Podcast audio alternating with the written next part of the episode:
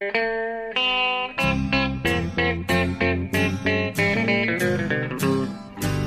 out there, we're on the air. It's hockey night tonight. Tension grows, the whistle blows, and the puck goes down the ice. The goalie jumps and the players bump, and the fans all go insane. Someone roars, Bobby scores at the good old hockey game. Oh, the good old hockey game is the best game you can name, the best game you can name. Hallå, hallå, hallå, hallå, hallå, hallå, hallå, hallå, hallå. Yes, howdy och hallå säger jag. Från eh, amerikanska södern, för det är jag faktiskt i. I, i, Florida eh, sitter jag, Per Bjurman. Eh, eh, och jag ska spela in en ny podcast med min vän Jonathan Ondskan Ekeliv som befinner sig i vintriga Stockholm. Ja, Eh, precis. Mm. Ja. Och eh, det är dags för vårt 220 avsnitt av denna podcast. Tänk hur många, hur många avsnitt det blir ändå. Ja. Mowgli. ja, det går undan. Det, Mm. det, det gör det faktiskt. Men jag, jag måste bara säga att jag skulle kanske inte beskriva där du befinner dig som bara som den amerikanska södern. Utan du befinner dig i den heliga staden. Återigen. Ja, ja, jag är faktiskt tillbaka i Tampa och eh, Mm. eh, det har ju hänt förr. Den här gången är det mest eh, lite semester, lite jobbsemester kan man kanske kalla det. Jag åkte Ja. dit på eget bevåg för att ja, i december då måste man, då måste man till Tampa ett tag. Och så kommer jag att säga i januari och februari också i och för sig. Det är stor risk för det. En stor Ja, chans men skulle jag betrakta det som. Ja, det är, men det är ju så underbart här. Nu har det i och för sig varit lite kallt så det har inte varit sitta i skjortärmarna bara. Alltså, Utan eh, ja, det var lite kyla i luften men det gör inte så mycket. Det är härligt ändå. jag har noterat att eh, i Carolina till exempel igår så var det snö utanför PNC Arena. Så, Ja, men det har vi inte här. Nej, nej, men jag har sett att det, det, han börjar leta sig ganska långt söderut på den nordamerikanska kontinenten redan i alla fall. Kylan. Ja, det, det kommer ju alltid några sådana dippar per vinter och sen försvinner det. Så säkert nästa vecka är det säkert jättevarmt här igen. Men det, ja. ja, Victor Hedman sa häromdagen att han tyckte det var härligt att äntligen få gå i långärmad tröja då och då. Jaha, det är så pass. Ja. Jo, jag vet. Alltså det, det är ju alltid Ja. underbart. Mm. Ja, men jag sitter här i det du kallar den heliga staden och det är ro- roligt att du nämner det för jag är ju på, då på Marriott Waterside hotellet och eh, idag fick jag för mig att jag ville gå upp tidigt och äta frukost. Jag, jag är inte mycket till frukostmänniska men Nej. idag kände jag att eh, eftersom jag nu är en member av något slag här i Marriott så, så kan man gå till concierge-loungen och äta gratis frukost. Det är, inte- det är jag inte, fick det är inte fram två plus frukost heller, utan det, det är godkänt. Nej, den är okej. Så jag gick upp dit och medan jag stod och lassade på eh, scramble egg så kommer det fram en norsk gutt och säger "Ja, ja, Du vet inte vem jag är men jag vet vem du är. Du är Biffen. Är det sant? Du är Biffen. Ja, Är det biffen? Ja. Ja och, och han ville prata podcast och sa att eh, är Jonathan här också? Nej, jag kan inte prata norska, du kan nu. Hur sa han? Är det Jonathan? eh, Kan han eh, befinna sig här på... Är ni på roadtrip eller? Ja, nej, ja, det visade sig att det var ett sällskap norrmän eh, och tyvärr fick jag inte uh, noterade aldrig namnet. Men de hade varit här ett gäng i Tampa och var på match i, i, i förrgår samma som jag eh, mot Rangers här då. Ja, just det. Och eh, hade blivit så glada att de fick se pod- en del av podcasten komma in i, i, i frukostmatsalen. Jag, Ja. jag är rädd att jag har svårt att hantera sådana här situationer när jag blir... Du blir ställd. Jag, Ja. Ja, jag, så jag framstod säkert som att I came across as eh, reserverad antar jag. Men det var inte meningen. Eh, ja, men det är trevligt att vi har norska lyssnare också. Vi, vi får väl med anledning av det då hälsa alla norska lyssnare särskilt välkomna idag. Eh, En landsman har, har, har visat sig för oss och vi, vi är så glada. Ja, jag, må, jag måste bara i sammanhanget påpeka att när jag var i Tampa årsskiftet 14-15 där och då också var Rangers nere och Zuccarello naturligtvis spelar ju i Rangers. Det är ju, där- det är ju, det är ju Norges stora NHL-stjärna liksom. Eh, Det är ju deras eh, stora husgud. Och eh, ja, jag, jag tror jag refererar till det i podden också att till och med One Two Punch Feet Sophomore Slump-duon här har sjungit en låt om det. Eh, eh, om hur norrmännen intill mig satt och skrek eh, Zuccarello han är sån bra hockeygutt alltså. Vilke, han gör ju två assist i den här matchen. Han dödade ju Tampa i den här matchen. Han knusar dem. Det är otroligt. Ja, Jag knusar dem. ja.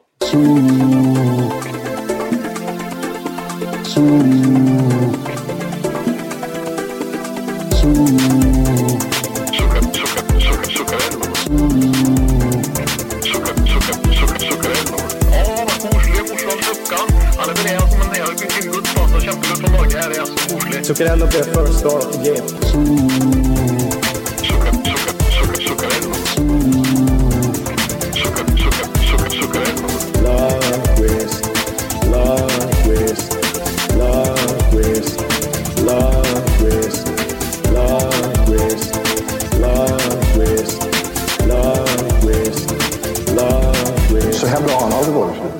Ja, det blev ju torsk och Zuccarello var kung. Han blev matchens första stjärna. Så att, Ja.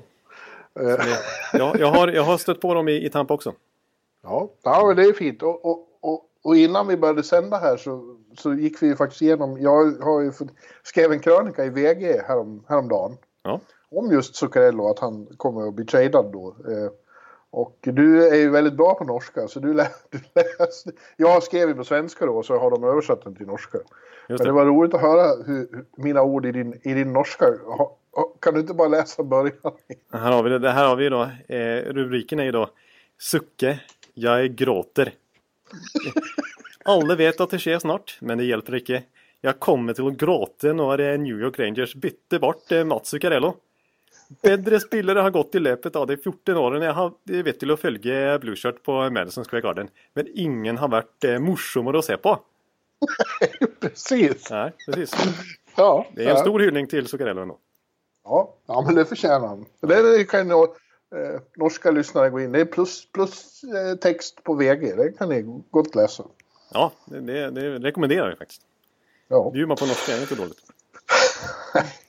Nej, men det är fantastiskt. Hur kan du vara så bra på norska? Jag vet inte. Jag, Ja, har, du är bra på allting. Du är bra på danska och, och dalmål också. jag har inte vett nog att liksom eh, inse mina begränsningar utan jag bara kör på, på de där språken. Jag vet inte varför. Du är mördande på Mördande. Ja, ja. Ja. Ja.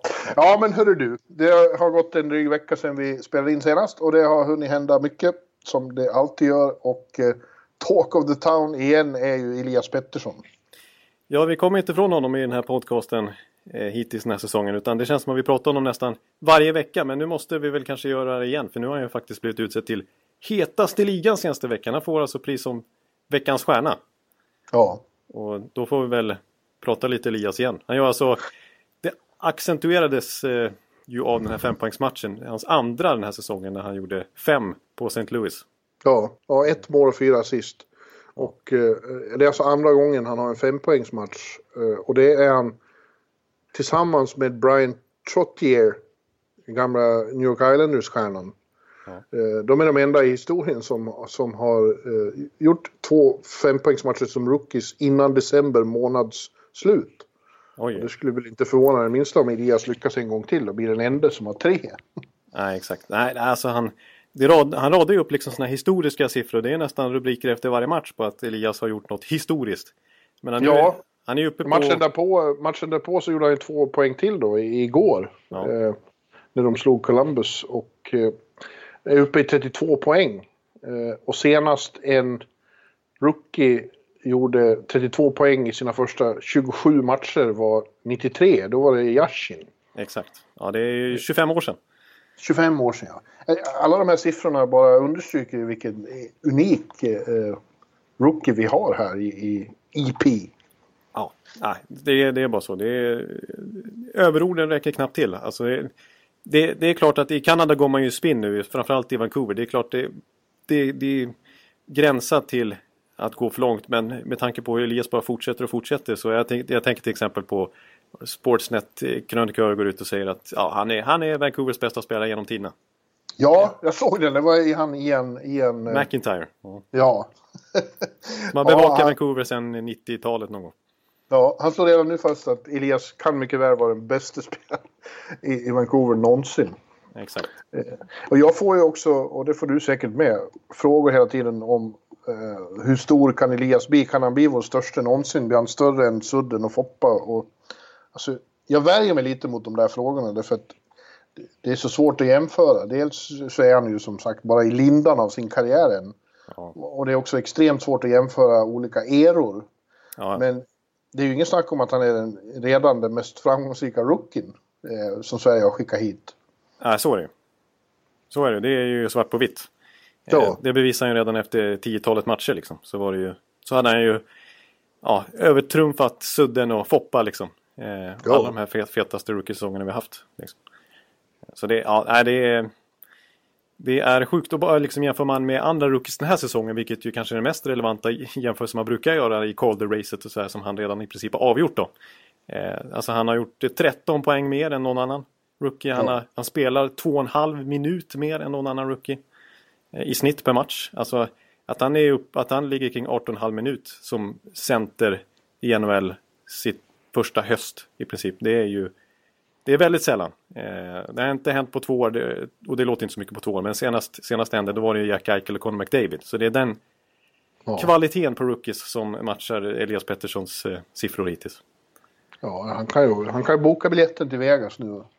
Keller ja. Trophy hämta. Det kommer väl förmodligen att vara två svenskar där. Rasmus Dahlin lär ju också bli nominerad. Ja. Så som, som han är, har växt sista veckan alltså? Ja, ja. Eh, nu är han ju... Jag menar, han fick ju gå ner i tredje backpar ett tag där för att det var en halvtuff start där och han behövde liksom anpassa sig till ligan. Det, men han är 18 bast. Mm. Eh, Elias är ändå 20. Nyss fyllda. Eh, men nu är han ju, nu slänger de in han i första PP och, och liksom när de toppar laget i overtime så är det Dalin som spelar. Så att, det, ja, han är inne i nästan 30 minuter per, per match redan. Han spelar 28 minuter här om natten. Det är... Ja. Alltså det, nu är han ju på gång. Men Elias igen alltså. Eh, det, jag, jag, måste bara notera att för Vancouvers skull eh, så tycker jag att det är eh, alltså Brock Besser, att han är tillbaka nu också. Mm. Alltså den, den duon. Eh, Elias är ju något alldeles extra men Brock Besser har ju visat sig fin också. Gjorde ju hattrick i den här fempoängsmatchen av Elias. Ja, det var på, samtliga tre mål på assist från Elias då. Det är ett riktigt radarpar har de fått fram där. Exakt, och inte nog med att de har format den kemin på isen så verkar de ju vara mer eller mindre bästa polare utanför också. Har... Han verkar ju väldigt eh, skön typ den här Brook. Jag säger alltid fel, hur säger man? Ja, nu, nu måste vi lära oss här eftersom att vi ska prata om honom i 15 år här. Men jag säger ju Brock Besser, det är det uttalet jag tror att det är rätt. Ja. Och jag säger uh, Baser som är något helt oh, annat. Det är något, Baser. Exakt, det låter som något, eh, det låter som The Baser i Stockholm där du har varit några gånger kanske. ja, och han freebasar kanske inte så mycket. Nej, nej just det. Nej, det gör han faktiskt inte. Nej, men... Eh, nej. Ja, absolut. De är ju rumskamrater på bortaplan till exempel. Ja, jaha. Det måste, jo, som rookie måste man kanske vara det. Annars får man ju eget rum nu för tiden i NHL. Ja, men som jag har förstått det så, så är de, bor de ihop eh, på bortamatcherna och de bor väldigt nära varandra i Vancouver så att de hänger med varandra liksom på fritiden också. Ja. Så att, ja. Eh, det låter ju lovande för Vancouver på sikt att eh, dels deras två absolut mest lovande spelare har fått sån här kemi på isen och dessutom är polare utanför. Ja, och nu har de ju faktiskt tagit sig, det var ju en tung svacka här när de efter otroligt fin inledning och sen var det 13-14 matcher de hade svårt att ta poäng överhuvudtaget. Men ja. nu har de tre raka igen och det beror på att ja, de har kommit igång de här två. Det är framförallt dem. Ja, exakt. För där kan man ju skylla lite grann på att Besser var, var skadad. Han var ju... Mm. Sen den där Colorado-matchen när de gjorde fem poäng den gången i slutet, eller början av november var det väl, så han missade han ju nästan en hel månad. Och nu har han kommit tillbaka och hittat formen igen ihop med Elias och då, då ser det bra ut igen. Men ja, ja, ja, att de ska gå till slutspel det känns ändå tufft. Jag menar de har, de har bara fyra poäng upp men det är ganska starka lag runt ja, omkring. Det är hård konkurrens. En, en, kul, vi måste ju bara nämna en kul eh, detalj med det där söndagsmatchen att jag eh, ja, jag skulle ju då flyga från Boston och hit. Eh, och hade tänkt att det skulle bli, det blir lugnt. Ni kan ta det som händer hemma. Ja. Men eh, det var ju bara för att slå upp eh, laptopen på, på planet. Beordrad av dig och redaktör Björkman. Ja. Ni ville ha en krönika om det unika Elias. Så det var bara att sitta där i turbulensen och, använda ombord internetet och eh, få ihop en krönika. Ja, så var, stor är han. Det var det inte dåligt. Det har hänt. Exakt, han radade ju poäng redan i första perioden då. Så då hörde vi av oss och sa att det, det är nog dags för en Elias-krönika. Och du sitter alltså mitt i planet. Ja. Och eh, levererar en, en färdig krönika på slutsignal. Det är, det är rutinerat måste jag säga. Ja, man känner ju, man känner ju pressen från elaka chefer som du. Ja, just det. Ondskan. ja, vill man inte bara ha något otalt med. Det förstår nej, jag. Nej, nej, det är precis. Nej, men det... Nej, det, vi, vi du är en sån där chef som om man, om man säger, om man skulle klaga på att det här är för jobbigt, då skulle du säga jag hör vad du säger och jag tar det till mig. Ja, jag... Så chefsfloskler. ja, jag tror inte jag är en sån här Tortorella-typen då, som Som, Nej, det är du faktiskt inte. Du, du, skulle, du skulle aldrig kunna vara det. Du är för snäll. Du är mer försåtlig. ja, nej, det, det, det stämmer faktiskt. Ja, men... ehm, Jag hör Ja, vad du säger. Jag tar det till mig. ja, precis. Ja, men vi kommer få anledning i alla fall att återkomma till eh, Elias. Ja, men Det du, eh, här har vi ju en bra övergång faktiskt. För att du, eh, vi, vi kommer nog svänga fram och tillbaka i det här avsnittet lite med olika ämnen.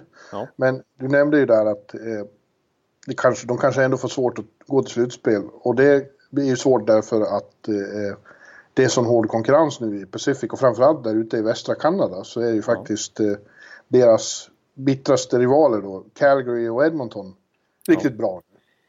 Ja, Calgary har ju faktiskt gått upp och leder västra konferensen eh, när nu ett svårt skadedrabbat Nashville har svårt att hävda sig som vanligt.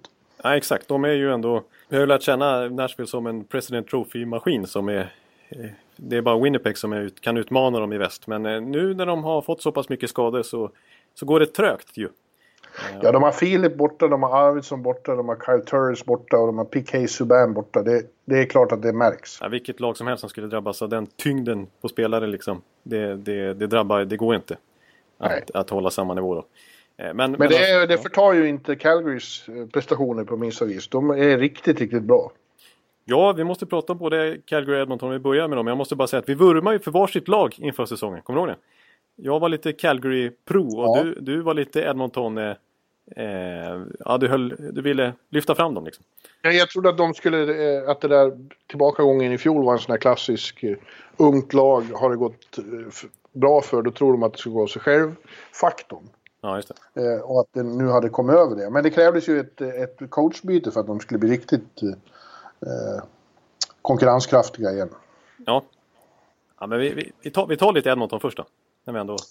Ja, det är så. eh, så- De här veckorna som har gått eh, sen eh, Hitchcock tog över, man får ju lov att vara imponerad av honom. Han har ju verkligen satt sin prägel på laget nu och, och gjort om det. Gett en ny identitet. Och ett, ett fruktansvärt tajt lag som, som går att vinna matcher med 1-0 och så.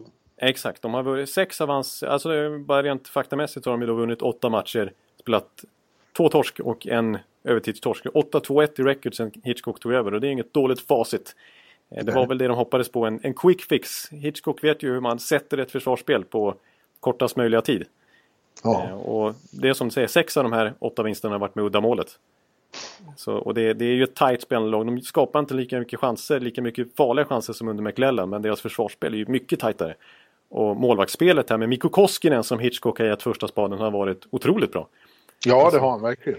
Han var ju bra i natt igen trots att han släppte in fyra mål mot Colorado. Men de vann och han, var, han var, hade stor del i det. Och han har faktiskt inte förlorat hemma i Edmonton alls den här säsongen, Koskinen. Som jag Hittills. förstod det i natt så var det ju så att han, han var helt fantastisk de två första perioderna. Sen var han lite trött helt enkelt i tredje. När, när, när Colorado började trycka på.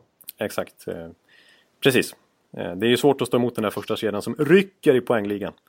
Hit, eh, nu är Rantanen uppe på 52 poäng på eh, 31 matcher och sånt där. Så det är sjuka siffror faktiskt. Men nej, det, man får ju ge Hitchcock att han... Alltså, han kanske inte gör lagen roligare men de, det blir roligare på det viset att han får dem att vinna nu i alla fall. Ja. Eh, de blir inte roligare, nej. Men det är ju... Och det är ju lite fascinerande för att nästan alla andra som, som ska använda de verktyg som finns där då i form av framförallt Conor McDavid. Eh, Ja. Det måste vara väldigt lockande att bara låta honom eh, eh, liksom nästan strunta i allt annat och Ja. låt Connor, ge Connor pucken. Ja, det borde lösa sig då. Ja, eh, men det är, eh, det är ju Hitchcock för gammal och rutinerad för. Så, som du säger, han har ju verkligen... eh, Ja, han har tagit fram klisterburken och klistrat ihop försvaret. Ja, ja exakt. För det, det är ju alla inne på det också. Adam Larsson till exempel. att det är, vi, är, vi spelar mycket tajtare nu. Liksom. Han har ju onekligen eh, fått pli på oss. Liksom. Eh, och, eh, sen får man ju säga så här med målvakterna under Hitchcock. De lyfter sig alltid, inte för att ta ifrån något från eh, Koskinen naturligtvis. Men, men han var, Brian Elliott såg ut som ligans bästa målvakt ett tag un- under Hitchcock i Blues. Och, eh, Steve Mason när han vann Calder Trophy för tio år sedan i Columbus när han kom fram där. Då, då var det Hitchcock som stod på bänken. Eh, så att han är ju bra på att... jag menar, Han står inte på bänken. Nej, jag står, eh, jag står bakom. Ja, och, Annars hade bänken gått sönder. Ja, Nej, det- vad? Oj. Nu Ja. jag dum. Nu är du hård.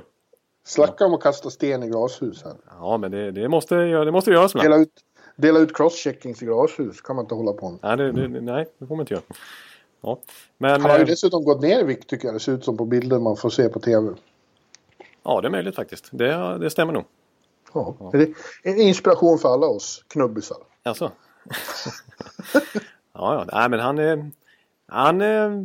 Jag hör vad du säger och gör det bra. Vad, vad, vad, vad jag skulle säga. Jag hör vad du säger och tar det till mig. Ja, just det. Just det. Jag tar det till mig. Ja. Ja, Ja, ja, nej, är men... bra. eh, Nej, Ja, men sen är det ju grannen också då. Ännu bättre. Ditt favoritlag. Ja, favoritlag. Nej, men jag lyfte ju fram Calgary inför säsongen och det var jag väl kanske inte ensam om att göra. De, där gjorde ju Treleving en, en satsning eh, med lite trades och ruska om i laget. Och en ny coach där med Bill Peters. Eh, Ja, det var ju honom jag inte trodde på. Nej, apropå att, eh, liksom, att målvaktsspelet inte funkar så bra under vissa coacher så Bill Peters, visst det, det är väl fortfarande den svagaste lagdelen i Calgary. Men Ja, fast han har ju varit faktiskt väldigt framgångsrik. Inte Mike Smith mer än som vanligt då och då. Men den här Rittich heter han väl som har kommit in istället. Jo, ja precis. Nu har ju faktiskt Mike Smith lyckats eh, eh, studsa tillbaka och återtagit första spaden sista veckan här. Men Rittich har ju, varit, har ju räddat dem många matcher dessförinnan. Jo.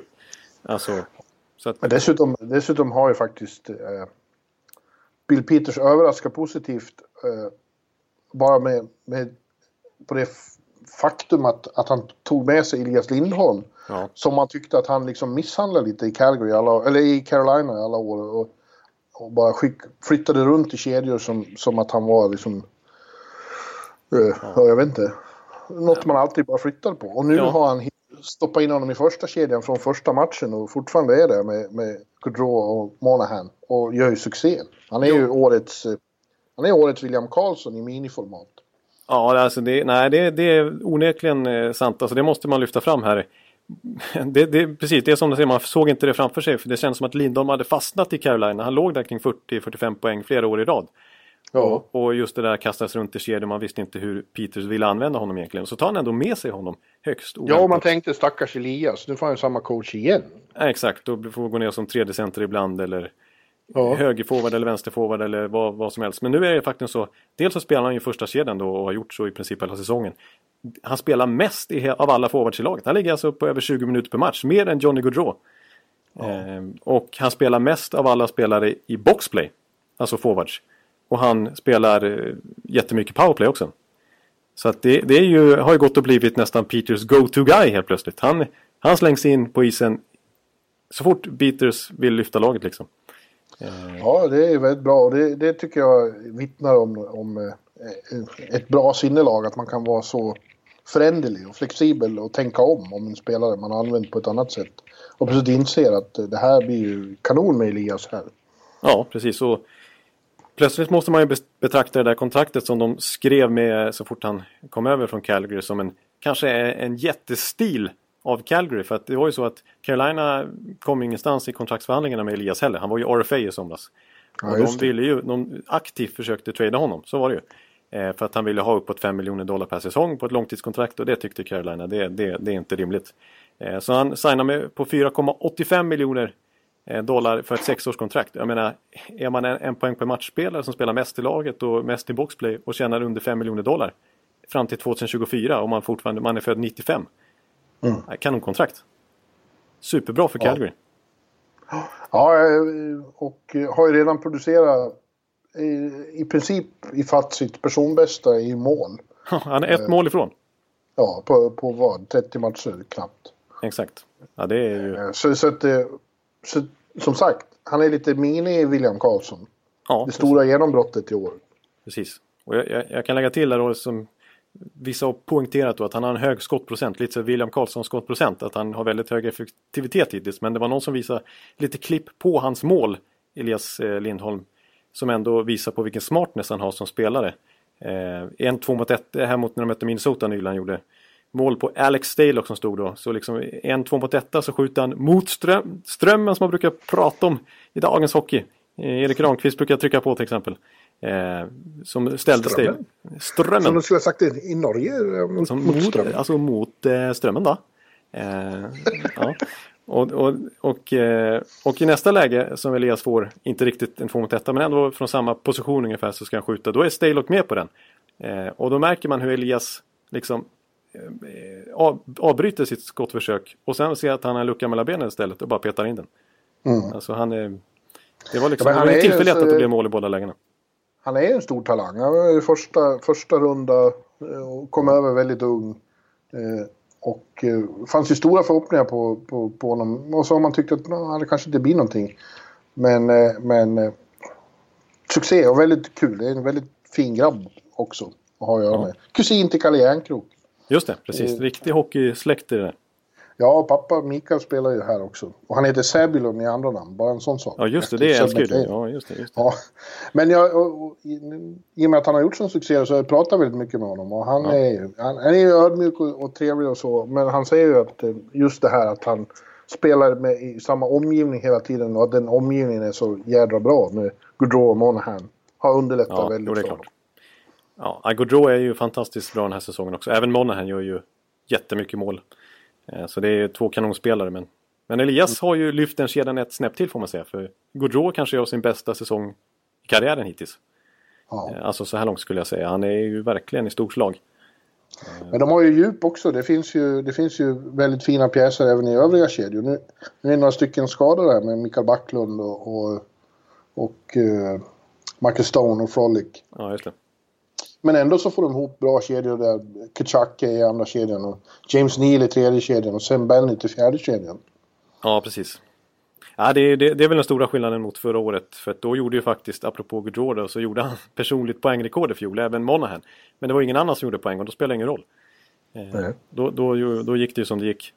Eh, men nu är det ju, visst James Neal väntar man ju fortfarande på. Han har, jag tror alla i laget, Nej, han har, varit lite besviken. alla i laget har gjort mål sedan han gjorde sitt senaste mål. Eh, Ja, man vill ta in honom i fantasy hela tiden men man ångrar sig när man har gjort det för det händer ingenting. Nej, exakt. Han, han har däremot eh, noll utdelning. Han skjuter mycket men han gör ju inga mål den här säsongen. Han har ju all, annars alltid, tror jag, ända sedan han debuterade i NHL, gjort minst 20 mål varje säsong. Så Ja. att han brukar vara pålitlig. Eh, och där är apropå kontrakt, och han tjänar ju över 5 miljoner dollar och är en veteran och har flera år kvar på kontraktet. Så det är å sin sida, ser inte så bra ut på sikt för, för Calgary. Men måste, Nej, men det var ju synd för att det, det var, gick ju väldigt bra i Vegas i fjol när han Ja. liksom hade något att bevisa kändes det som. Exakt, och nu har han blivit eh, kanske komfortabel, vem vet? När han har pengarna. Om, vi- om, vi ska, om vi ska avsluta det med Calgary så är det ju också så att de i flera år har haft en backup, backuppsättning som på pappret har imponerat väldigt mycket. Men nu, nu känns det som att de har fått ihop det där också med, med, med tre backpar. Inklusive ett ungt svensk nu. Med Rasmus Andersson och Oliver Kylington som tredje backpar. Ja, det är kul att se att de som har varit nere i Stockton, där man inte vill hänga av flera anledningar, eh, har kämpat sig på och blivit... Eh, ja, Rasmus Andersson har ju spelat, han har ju blivit ordinarie och Kylenton här på slutet har ju imponerat stort. Ja. Och, och det, Ja. ja. Jag såg att, eh, att Kylington eh, eh, efter sitt första mål där så hade han två samtal han skulle ringa. Han skulle ringa till farsan och han skulle ringa till Johnny Oduya. Jaha, eh, okej. Ja, de har, farsan känner tydligen Odoja så att de har liksom, Odoja har känt Oliver i sin tur då sen, sen han var liten pöjk, vaske. Och hjälp, hjälpt honom i karriären med tips och råd och, och så vidare. Eh, så att eh, Oliver eh, ville ringa och tacka honom efter första målet helt enkelt. Härligt. Ja, och sen har de de två andra backparen som är väldigt bra. I Giordano Brody och Hannifin och Hammonick. Ja, Eh, Det är, det är riktigt tunga backpar alltså. ja precis. Det är bara Calgary som, eller alltså, det är bara Nashville som har en lika stark topp fyra. Ja, det skulle jag säga. Det kan man definitivt slå fast. Trots att de tradar bort Hamilton. Men å andra sidan har ju Ham Hanny Finn varit eh, bra. Ja, han passar nog bättre i, i gruppen, Exakt, och han var tror ju... jag. Ja, och så var det dessutom så att Peters plockade över honom också. Han visste uppenbarligen vad han gjorde när han tog Lindholm och Hannifin med sig från Mm. Carolina. Ja. Nu har jag ingen bra övergång här direkt, Nej. men eh, jag har ju då, innan jag kom hit till Tampa så var jag ute på lite William Nylander-bitet. Eh, Ja. för, sen han skrev på då så vart det ju snabba ryck och komma in och, och debutera. Ja. Och har nu spelat tre matcher. Eh, och jag såg den i Boston och spelade i, i, i lördags. Just det. Och eh, det har väl gått precis som väntat för William. Han hann ju inte ens med en träning innan det var dags för första matchen. Nej, Eh, och det är ju klart att då är, det, då, är, då är man bortkommen när man kastas rakt in i en NHL-match efter att träna på egen hand i, i flera månader. Med AIK J20. Eller J18 Ja. kanske till och med, jag kommer inte ihåg. Ja. Nej, det var, det, det var inga, det var inga klockor. Man trodde att de kanske skulle vara, liksom, i och med att de ändå gick så bra. De var ju in- inne i en stor segersvit eh, vid det läget. Och man tänkte att de skulle låta han träna lite och komma igång lite grann. Sådär. Men eh, nej, in, in på isen direkt. Ja, och det... Man säger bara eh, så här rutinmässigt att ja, det tar ett tag innan tajmingen sitter. Men det, det har ju väldigt, synts väldigt tydligt. Och, han har varit rätt pigg i benen och haft bra skridskoåkning. Men man ser så att passningarna inte sitter riktigt där de ska. Och det är det som är timing. Liksom. Eller att man kommer Ja. lite fel in i, i situationerna. Liksom. Som att man är lite yr. Exakt. Men det där är, det är, enda sättet att komma över det är ju att spela mer och mer. Och det har ju Babcock låtit honom gjort. Ja. Låt, låtit honom göra, säger man. Och eh, mot Carolina igår så blev det ju två assist. Ja, exakt. Då såg det ju genast mycket bättre ut och Toronto skärpte till sig också. För det kändes lite grann i de här två förlusterna sen han kom in.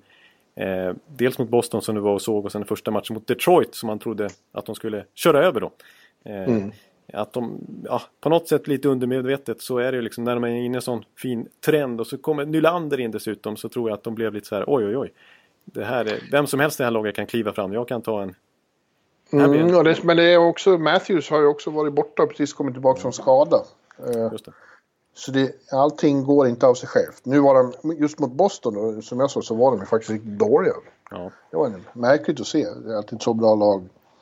Kunde vara så. Off.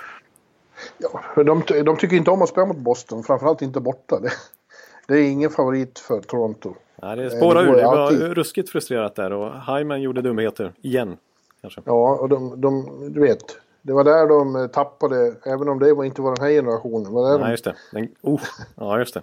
de, den gången. Och, och så sent som i våras förlorade de Game 7 där. Och, eh, Boston är ett spöke för Toronto helt enkelt. Ja, det är inte, inte otroligt att, eh, att de kan mötas igen här framåt våren i en slutspelsrunda. Nej, tyvärr. Tyvärr. Det ska vi prata lite mer om sen. Varför somliga kan stöta på varandra för tidigt. Ja, just det. Men nu är ju då Toronto här i, i, i Tampa. Och det är, Ja. ju bra, det är väl framförallt därför jag har förlagt min lilla mini-holiday här. För att imorgon spelar ju de då mot... Just nu så har de träning ute i Brandon utanför stan. Den nya fina träningsanläggningen som Tampa byggt upp efter att ha spelat i ett ruckel tidigare. Ja, så, är det så det är? Ja, det är För jag trodde att det var det rucklet vi skulle, skulle till och jag tänkte nej, jag har ingen lust att åka dit. Jag gör podcast istället. Ja, just det, just det, just det. det. Det skulle jag ha nämnt för dig. Att de har en jättefin ny Vinnick, antar jag, byggd fan. eh, träningsanläggning. Fan, det är tio minuter dit. Jag hinner. Jag drar. Hej! Ja. Ja. Eh, ja, eh, men och, matchen imorgon då är ju ingenting mindre än årets match so far. Därför att eh, det är ren seriefinal. Det är ettan i sammanlagda tabellen mot tvåan i sammanlagda tabellen. Exakt, och det är första gången de möts. Alltså, trots att de är divisionsrivaler och att Tampa har mött till exempel New Jersey i alla sina matcher hittills. Så har de inte ens mött Toronto än, utan det är första clashen mellan ettan och tvåan i NHL. Ja, jag tror att det kan bli precis hur bra som helst. Och efter Rangers-matchen häromdagen så frågade Viktor om det och han sa att eh, det, Lightning är väldigt peppade inför den matchen. Det kommer att vara slutspelsstämning här, sa han. Det kommer att bli otroligt roligt att spela. Och jag tror att det kommer att bli jävligt roligt att sitta på pressläktaren och se det också. Ja, ja det, det, det tror jag också. Det, det ska bli intressant att se hur matchbilden blir. För det är ju två lag som vill spela ungefär likadant. De vill Ja. äga pucken och de vill spela med fart. Och de vill ha ett fungerande eh, smattrande passningsspel. Ja. Så att eh, det, det kommer att bli ruskigt spännande.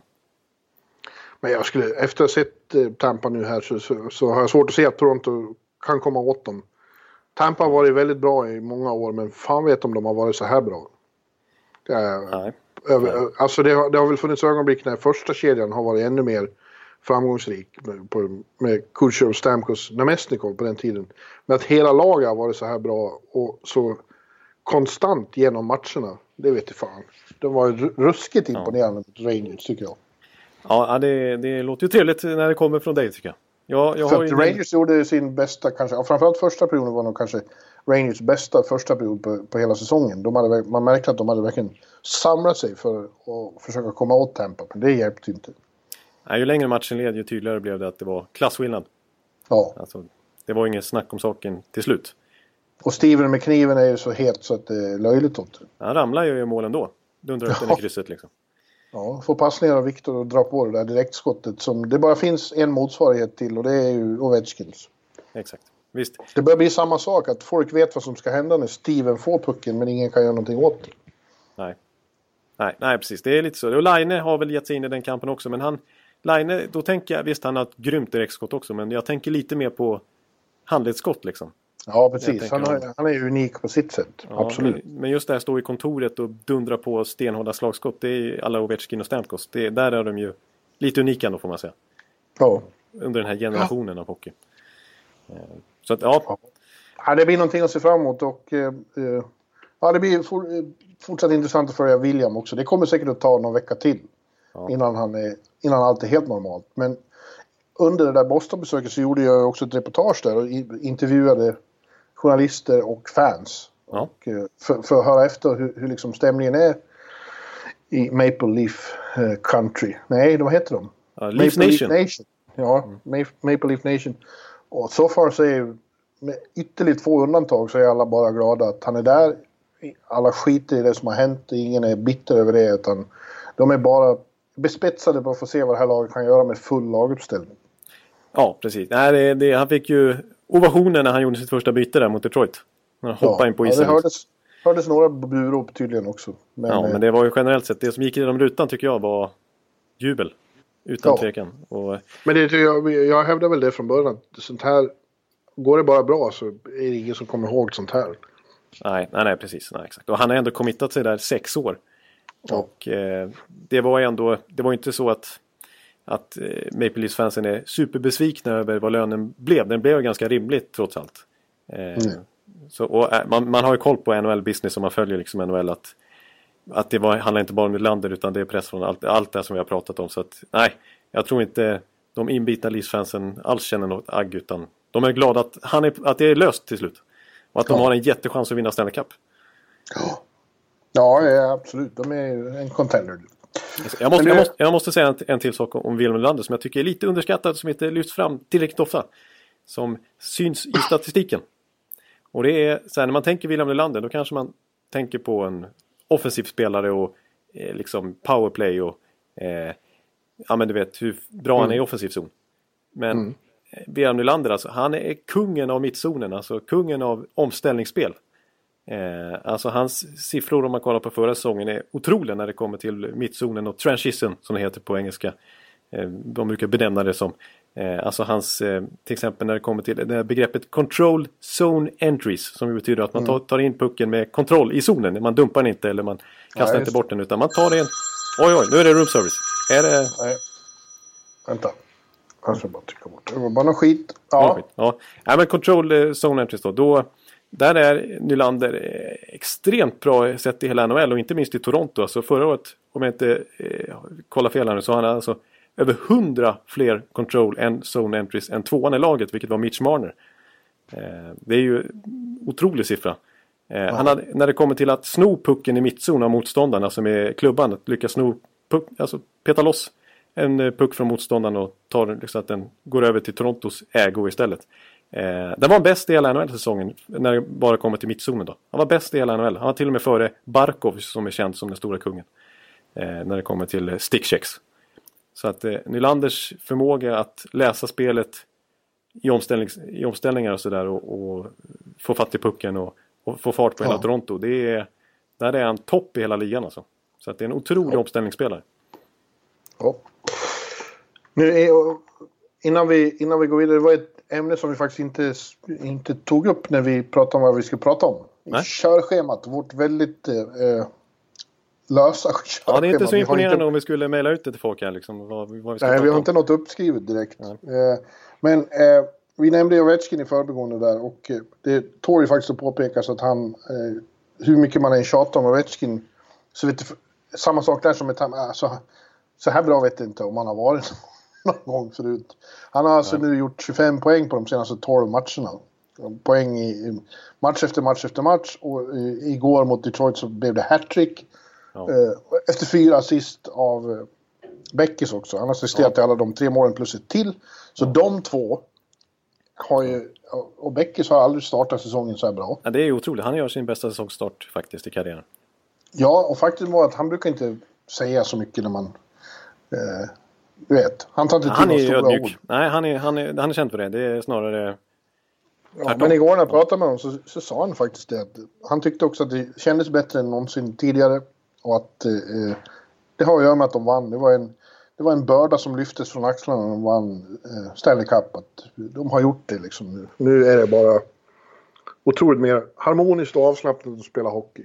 Exakt, det är inte den här skönt Beck, Beckis som är kvar utan nu är det, nu är det avslappnad och ja, men harmonisk eh, Beckis som bara leker hockey med Ovechkin. Alltså det, är, det här Ja, för- det är lika med, och Ovechkin känner ju uppenbart likadant. Ja, exakt. Och vi, vi har ju båda utsett Line till årets skyttekung inför den här säsongen. Och tänkte att nu är det dags, när Ovechkin har vunnit sin kupp och eh, börjar bli lite till åren så är det väl dags nu för Line att ta över den här skyttekungakronan.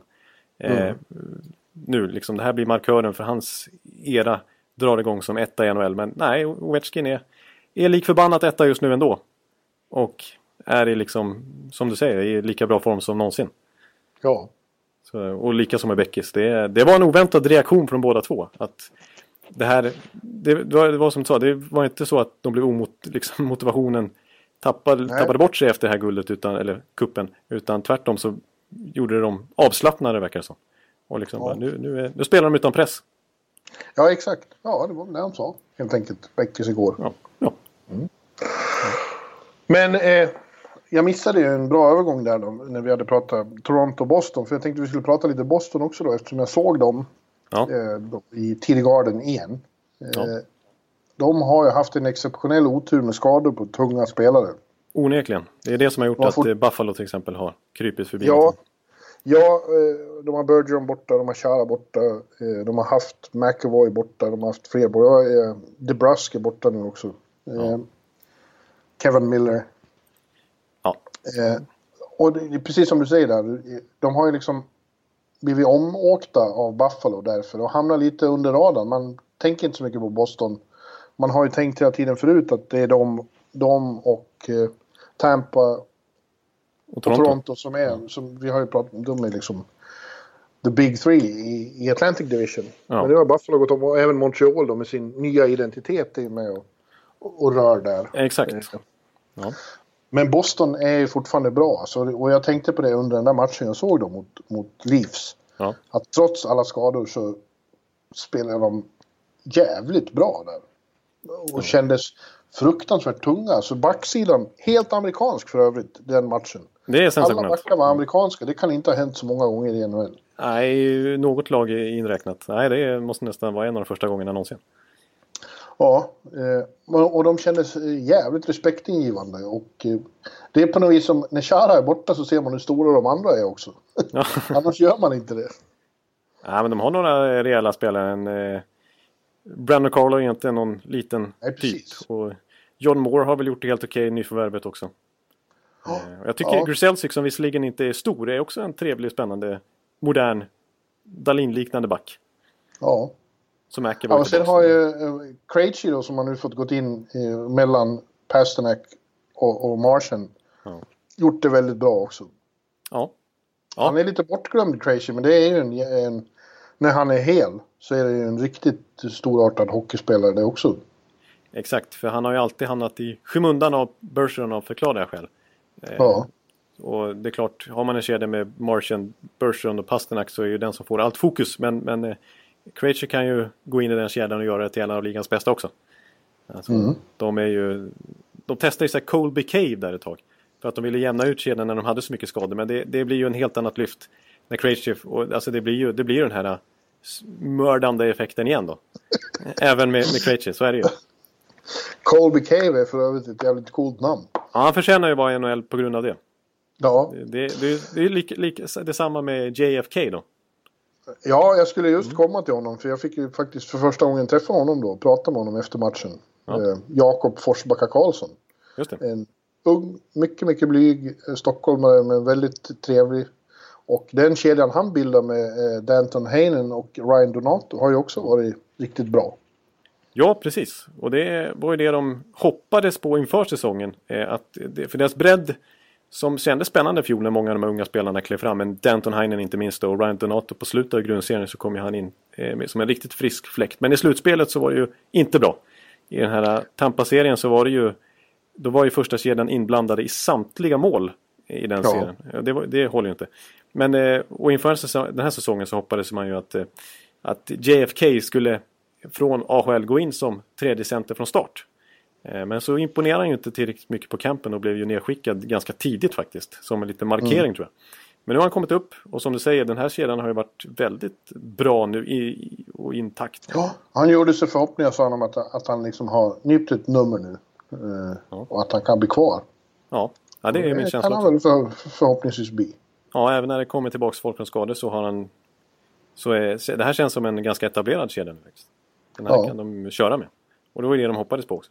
Ja, jag, jag tror att även om strålkastarskenet nu riktas åt lite andra håll, då, framförallt Buffalo och Montreal, så, så tror jag ju, eller inte bara tror, jag är helt övertygad om att Bruins, eh, när det väl kommer till kritan sen, kommer att vara ett mycket, mycket bra lag där i Atlantic och just ställa till det för de som får möta dem i första omgången och så. Exakt, och jag tror de har nog minst press på sig av de här äh, storlagen om vi kallar för det. Jag menar Tampa Bay kommer ha mycket press på sig alltså.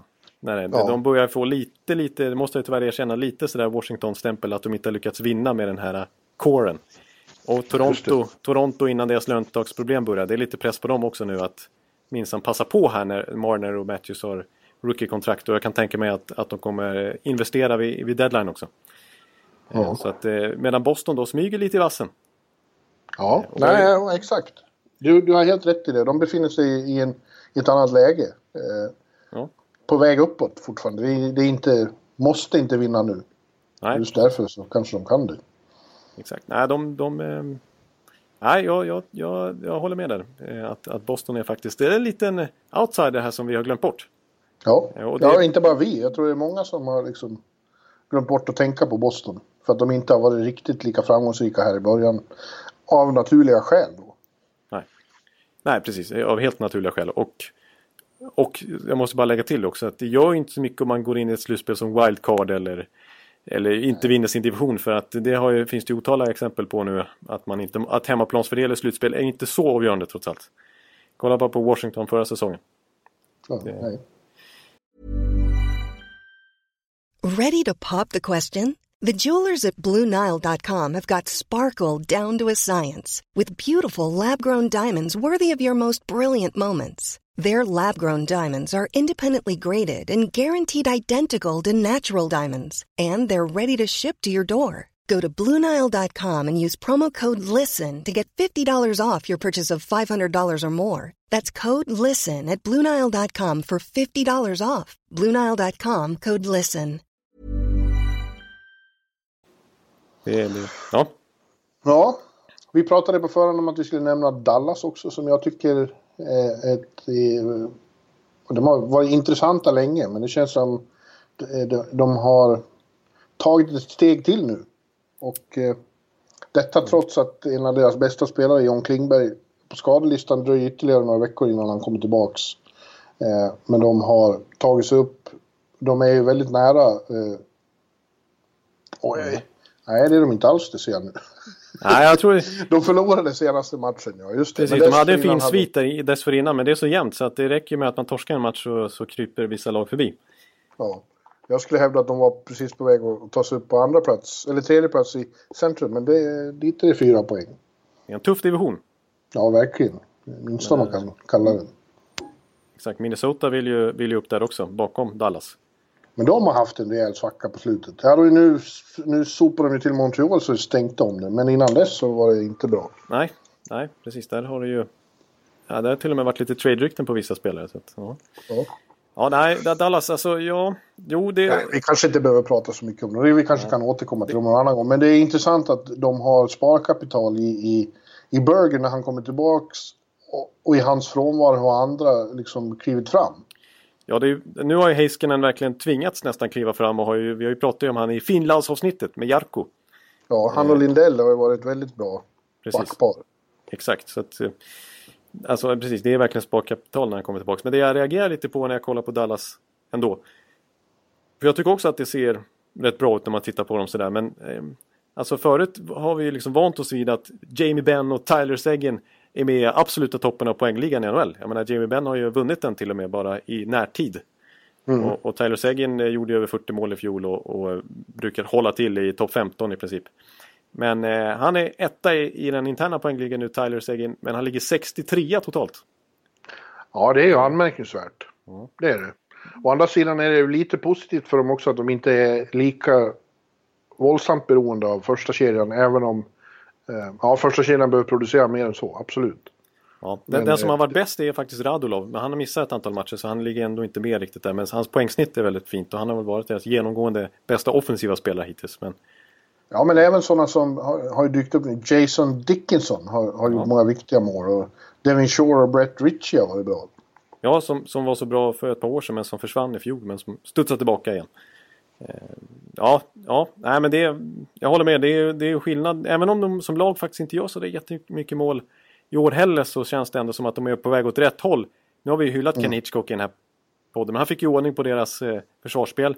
Men hämmade liksom breddspelarna offensivt. Men ja, det, de är på väg, väg åt rätt håll nu under Montgomery igen. Alltså det, de är fort, jag tycker de är rätt roliga att titta på ändå. De, är ju, de hänger ju med bra i den tuffaste divisionen i NHL. Och de ja. har sparkapital dessutom. Så att... Ja, Mark Method också.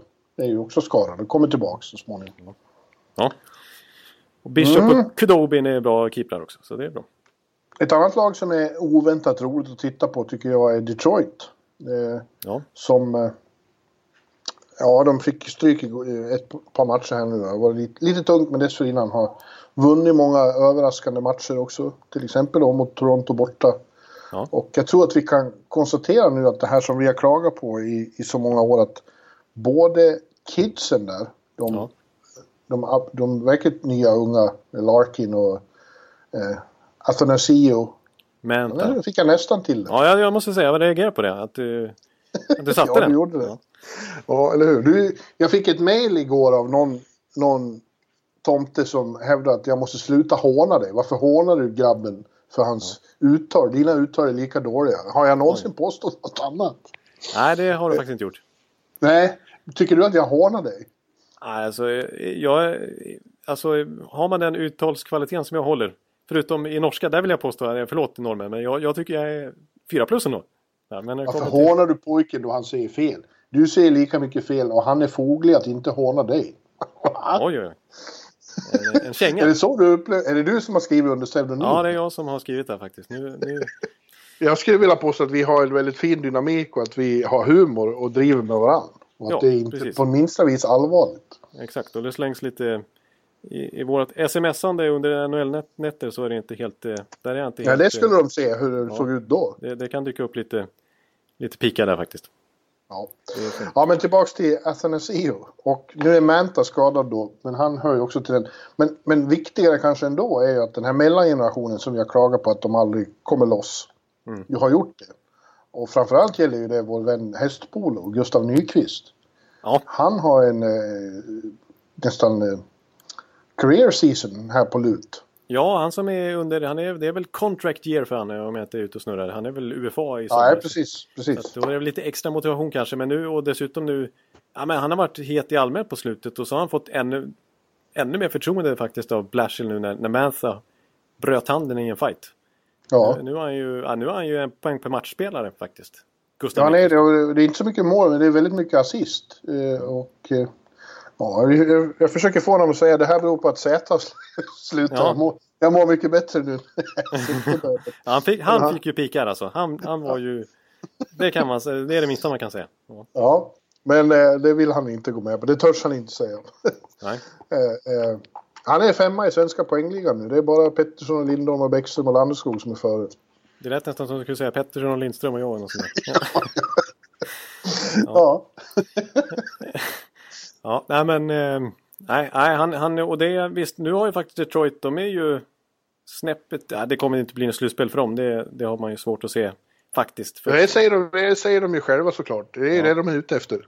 Ja, de tänker om... överraska, vi är mycket bättre än ni tror och så vidare. Ja, men, men om, vi, om jag nu utgår från att det inte blir det och är lite hård här så, så, så är han ju en jättespännande rental för toppklubbarna. Verkligen, verkligen. Han har ju, det har han ju verkligen eh, om det är det det handlar om så har han ju verkligen höjt sitt värde där. Exakt. Detroit kan kräma ut lite utbyte för honom och eh, han skulle kunna eh, kliva in i en andra eller tredje kedja och verkligen fylla på bredden i ett topplag. Eh, Nashville? Ja, Nashville med deras eh, skador kanske just nu. Ja, ja. Gustav i Nashville skulle vara något. Eller, eller Washington eller Tampa eller Winnipeg. Ja, vilket lag som helst egentligen. Ja, Winnipeg. Ja. ja. Mm. ja men eh, alltså. Ja, alltså, och det är till och med så nu. Vi har ju räknat bort eh, Blashill. Vi är ju inte så imponerade av honom. Eh, generellt sett och, och hur, hur han har tagit över arvet från Babcock. Eh, och han har inte varit kanske superpopulär bland spelarna heller. Om man har förstått. Men eh, eh, nu börjar det faktiskt tisslas om att det kanske blir en förlängning trots allt. Alltså, hans kontrakt går ju ut i, eh, mm. efter den här säsongen och det har liksom, man har utgått från att de ska hitta en ersättare. Men nu pratas det faktiskt om att, att Blashill ändå har vunnit tillbaks lite förtroende bland spelargruppen och också uppåt styrelsehåll. Ja, men jag börjar också få den känslan faktiskt. Men det har ju att göra bara med att resultaten är bättre och att ja. det har fått fart på vissa spelare. Exakt. Och en sån här riktigt konkret grej som han gjorde inför säsongen som kan låta lite banal eller sådär och som, som han blev hånad för första veckorna av säsongen när det gick så dåligt igen. Eh, för Detroit. För det ska vi komma ihåg, från typ första november och framåt så är Detroit förmodligen på övre fjärdedelen av NHL sett i form. Mm. Alltså de mm. har ju vunnit betydligt fler än vad de har förlorat sista månaden. Eh, men eh, han, vi har ju pratat om i Toronto här, eller i Detroit att arbetsinsatsen kanske inte har varit den bästa från den här nya generationen. Att det har klagats lite på Larkin och Manta och mm. Anthony Seo just och de här killarna. Att, och kanske lite mellan generationen också att det inte varit riktigt samma det har inte varit den här Lidström Zetterberg-auran kring laget längre. Datsjuk, alltså den här riktiga vinnarmentaliteten och det här att du, du tränar varje dag stenhårt liksom. Och då, då eh, satte han en t-shirt på dem eh, på, liksom när de tränar gymmet så här, där det stod 60 minutes of hell. Det var Blashills motto här nu. Det, det, nu är det liksom ett helvete ska det vara att spela här. Alltså rent... Du, du ska vara slut. Det ska vara, det ska vara hemskt. Alltså, du, du ska ge allt du har. Varenda ja. svettdroppe ska krämas ur din kropp. Under en match. Yes! Ja, exakt. Precis som vi gör med podden. Ja, precis. Du, du, du ska inte kunna gå efter podden alltså. Du ska ge lite allt. Jag kan, jag kan inte det heller. Nej, precis. Så att, eh, och det får man säga att, att det tycker jag kanske är, det ändå syns i år på, på dagens eh, Detroit att de ändå jobbar hårt i matcherna. Att de inte ger upp och liksom eh, tar vissa ja, matcher. Det är inga schedule losses liksom utan det är, det är ett, ett hårt arbetande kollektiv faktiskt. Eh, vilket man inte har sett sen storhetstiden nästan. Nej. Och en gamling som eh, Kronwall har kommit igång rätt fint på slutet. Han gjorde sin 900 match här. Just det. Eh, alldeles nyligen. Och eh, det är inte bara att han har fått in något mål så. Han, han eh, ser piggare ut än på, på, på länge nu. De har lite skador så han är bildad första backpar med Mike Green. Ja, nej, men han, har, han har varit rätt stabil får man säga. Lite, lite vibbar av den forne Kronwall. Ja, med tanke på att han inte har några knän kvar så är det ju väldigt bra. Nej, exakt. Ja, precis. Ja, nej, det, det är imponerande. Vi måste ju kommentera tacklingen där som har varit lite, de har delat folk i, i två läger här. Alltså mm. eh, när eh, Anders Lee fick sig en smäll. Mm. Och Anders Lee själv säger ju att eh, det, var ju, det var ju typiskt dåligt av mig att titta ner i pucken och då får jag räkna med att, att det kan smälla på. Eh, ja, det har ju varit en sanning i NHL i över tio år. Att det, så kan man inte göra när Kronwall är på isen. Nej. Eh, men jag måste säga att jag, förr i tiden så var jag väldigt, erkänna, förtjust i de där tacklingarna. När, ja. när det small liksom. Ja. Men eh, eh, jag är inte det längre. Även om de är då schyssta och det inte eh, ska vara avstängningar och så. Så, så efter att ha träffat offer för hjärnskador så ja, jag, jag blir illa berörd faktiskt. När det smäller för mycket och i för hög hastighet. Exakt. Ja, nej, jag, visst, för Kronwall, visst han, han trycker ner skuldran för att försöka inte liksom det är ingen armbåge som kommer upp eller sånt där. Eller klubba eller sånt där. Utan han försöker ju hålla ner skuldran. Men man ser ändå att, att, att Anders Lee, att pucken wobblar och att han är en vulnerable position som man brukar säga. Och ja, då, och, och, och Kronwall tacklar alltid på något vis med ryggen. Liksom, så att han ja. flyger, flyger själv. Ja, han får ju en rejäl smäll själv. Ja, ja, det har alltid sett ut sådär. Men, och, ja, det sitter väl liksom i, i, Ryggmärgen. sitter i märgen på honom att när en sån situation som det är väldigt lite av nu för tiden. Ja. Att någon åker och tittar i isen på det där sättet. Ja, de börjar ju lära sig nu. Ja, eh, så att det sitter att han ska smälla på. Han är gammal Scott Stevens epigon. Ja, en video. Vi, best of Scott Stevens greatest hits på video tittar på ibland. ja, ja. Eh, så att, eh, ja, vad kan jag säga om det? Jag känner ju Kronwall bra, tycker om honom. Men jag, jag, eh, jag tycker inte om de där tacklingarna per se längre. Nej, nej, jag är på den sidan också. En annan aspekt som jag stör mig lite på i diskussionen kring tacklingar idag och som ofta är på försvarssidan av en tackling är att ja, men tacklingen tog inte huvudet. Jag tycker inte att en tackling eh, bara är ful om den tar i huvudet. För när det blir en sån där stark kollision i hög fart det blir ju liksom som en whiplash-effekt så det påverkar ju Ja. huvudet ändå. Man kan slå i huvudet i sargen eller isen hårt i fallet liksom. Så Absolut. Det, det måste inte vara en armbåge i huvudet för att det ska vara fult. Jag. Men jag måste också påpeka en konstig sak som... Eh, och då kommer vi tillbaks till Austin Matthews. Som ju blev skadad igen då. Han åker på... Och det är inte sådana här huvudskador han åker på. Utan det är i situationer runt kassen. Där han åker på, det får man ändå kalla schyssta tacklingar. Men där han skadar ju axlarna hela tiden. Han har ju tyvärr problem där, det är oroväckande. Ja, men det är inte det enda problemet, Jonathan. Utan det är så här att... Ja, han är, han är då uppenbarligen skör i axlarna. Ja. Men det är också så att... Eh, när, när ser du Conor McDavid åka på sådana tacklingar? När, när såg du Henrik Zetterberg åka på sådana tacklingar? En viss, en viss sorts riktigt skicklig spelare blir ju aldrig tacklade för att de undviker att hamna... De blir aldrig tacklingsbara. Ja, det är en poäng. Och det är inte något lyckligt av Matthews om han ska exponera sig själv på det sättet. Det måste han ta bort. Ja, det är sant. Han utsätter sig själv för en risk i de situationer han häver sig in i. Liksom. Ja, eller Sedinbröderna. Såg du? Det var ju aldrig, de var aldrig tacklade i princip. Nej. Om, om det var schysst. Jo, eh, Duncan Keith lyckades ju sätta armbåge i huvudet på Daniel en gång. det är svårt att det, undvika. det är svårt att undvika. Men just den här äh, skadorna man nästan själv åsamkar genom att utsätta sig för Mm. hårda smällar. Liksom. Alltså, apropå eh, ett färskt exempel också på en svensk som jag tycker är bra på att undvika tacklingar som i princip aldrig är skadad. Ja, dels Bäckis, men jag tänkte på Elias Lindholm som vi ändå har pratat om. Han Mm. missar nästan aldrig en match han heller. Trots Nej. att han spelar mycket och inne i hårda situationer. Och sådär. Mycket sidedueller och sådär. Ja, ja, och Zäta är ett bra exempel. Han var, jag, jag tror aldrig Zäta var tacklad. Nej, precis. Det var aldrig den typen av skador utan det var ju hans ja, Ja. rygg och sådana här grejer. Liksom. Rygg, ja, framförallt. Ja. Du, eh, eh, vi skulle väl också bara nämna i förbigående, vi har varit, pratat väldigt mycket om de lag som har gått bra nu Ja. den här veckan. Vi har ju faktiskt en sorglig trio i botten av tabellen. Ja, som så sent som bara för några år sedan var knallhårda contenders. Vann Stanley Cup, spelade konferensfinaler, gick långt, alla trodde stenhårt på dem. Och jag tänker då på de tre västlagen. St. Louis Blues, Los Angeles Kings och Chicago Blackhawks. New Jersey har sprängt sig in emellan dem där men länge har det varit de tre som har varit i botten. Och det, det är ju lite häpnadsväckande ändå med tanke på hur, hur nyss de var stora lag. ja. Och det visar ju hur fort det kan gå när, i, i den här eran. Hur, Ja. hur det bara kan braka genom golvet. Fan, Chicago har åtta raka förluster.